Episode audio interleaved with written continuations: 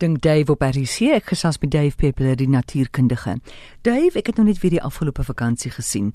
Al die rommel wat 'n huisgesin kan genereer en hy oorskiet kos en dis nie asof dit noodwendig gebruik gaan word nie. Hallo Amore, weet jy? Ek spandeer mos 3 kwart van my lewe op vliegtye waar ek sit soos 'n bonsai want ek is lank, jy verstaan en ek kan nie hmm. bekostig om voor te sit nie.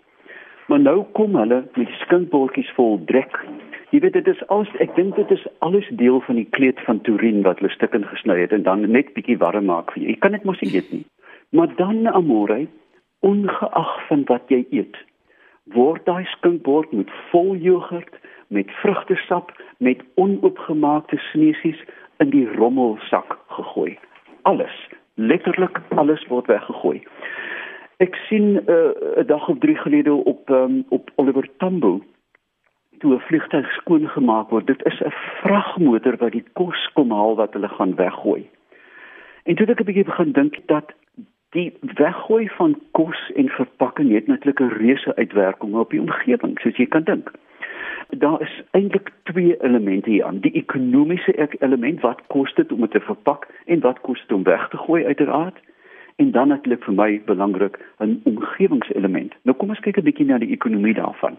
Nou Die eerste ding, hoe minder jy weggooi, hoe minder moet jy na die stortingsterrein ry met brandstof. Die, die volume word eenvoudig minder. Dit is minder rioleringskoste as jy dit goed nou in die toilet afspoel of waar ook al. Maar dit beteken riolering beteken water, water beteken pompe, pompe beteken elektrisiteit. Mens dink nooit daaraan as jy minder rommel maak dat jy elektrisiteit spaar nie amore en jy weet wat hier aangaan by ons. Dan amore, dit verminder aankoopkoste. Dink hospitale, universiteite ensovoorts. As jy weet dat ek kan 20% rommel kan ek uithaal, dan beteken dit eintlik logies dat ek met 20% minder aankoop as ek reg werk met wat ek het. Met ander woorde, jy kan aankope verminder.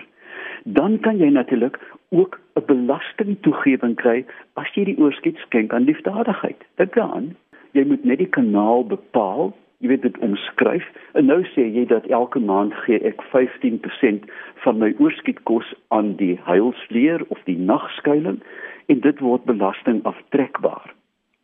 En dan natuurlik ook as jy genoeg daarvan genereer soos byvoorbeeld die universiteit kan jy kompos maak en dit verkoop en dis presies wat hulle nou doen. Hoë kwaliteit kompos wat die aarde weer eens verryk. Maar dan die omgewingsimpakte dink 'n mens ook aan. As jy kompos maak, is daar verhoogde grondvrugbaarheid. Uiteraard. Daar's minder vliee amore, dink 'n bietjie daaraan, peste, plaae, vure en natuurlik die stortingsterrein word optimaal gebruik. Nou, laastens dink ek amore met mens net kyk na rangorde.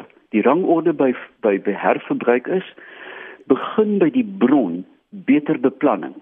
Fyn beplanning beteken minder weggooi, voed honger mense, voed honger diere, maak gas of kompos van die oorskiet en heel laaste as dan dan nog goed oorbly stortingsterrein toe. Weet jy amore dis eintlik baie eenvoudiger as wat mense dink.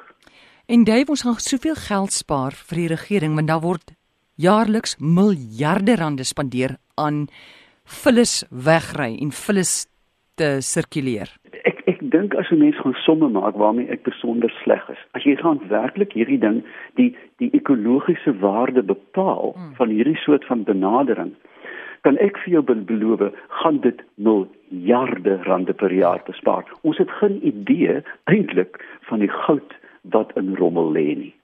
Wyse woorde van Dave Peppler besoek gerus sy Facebookblad.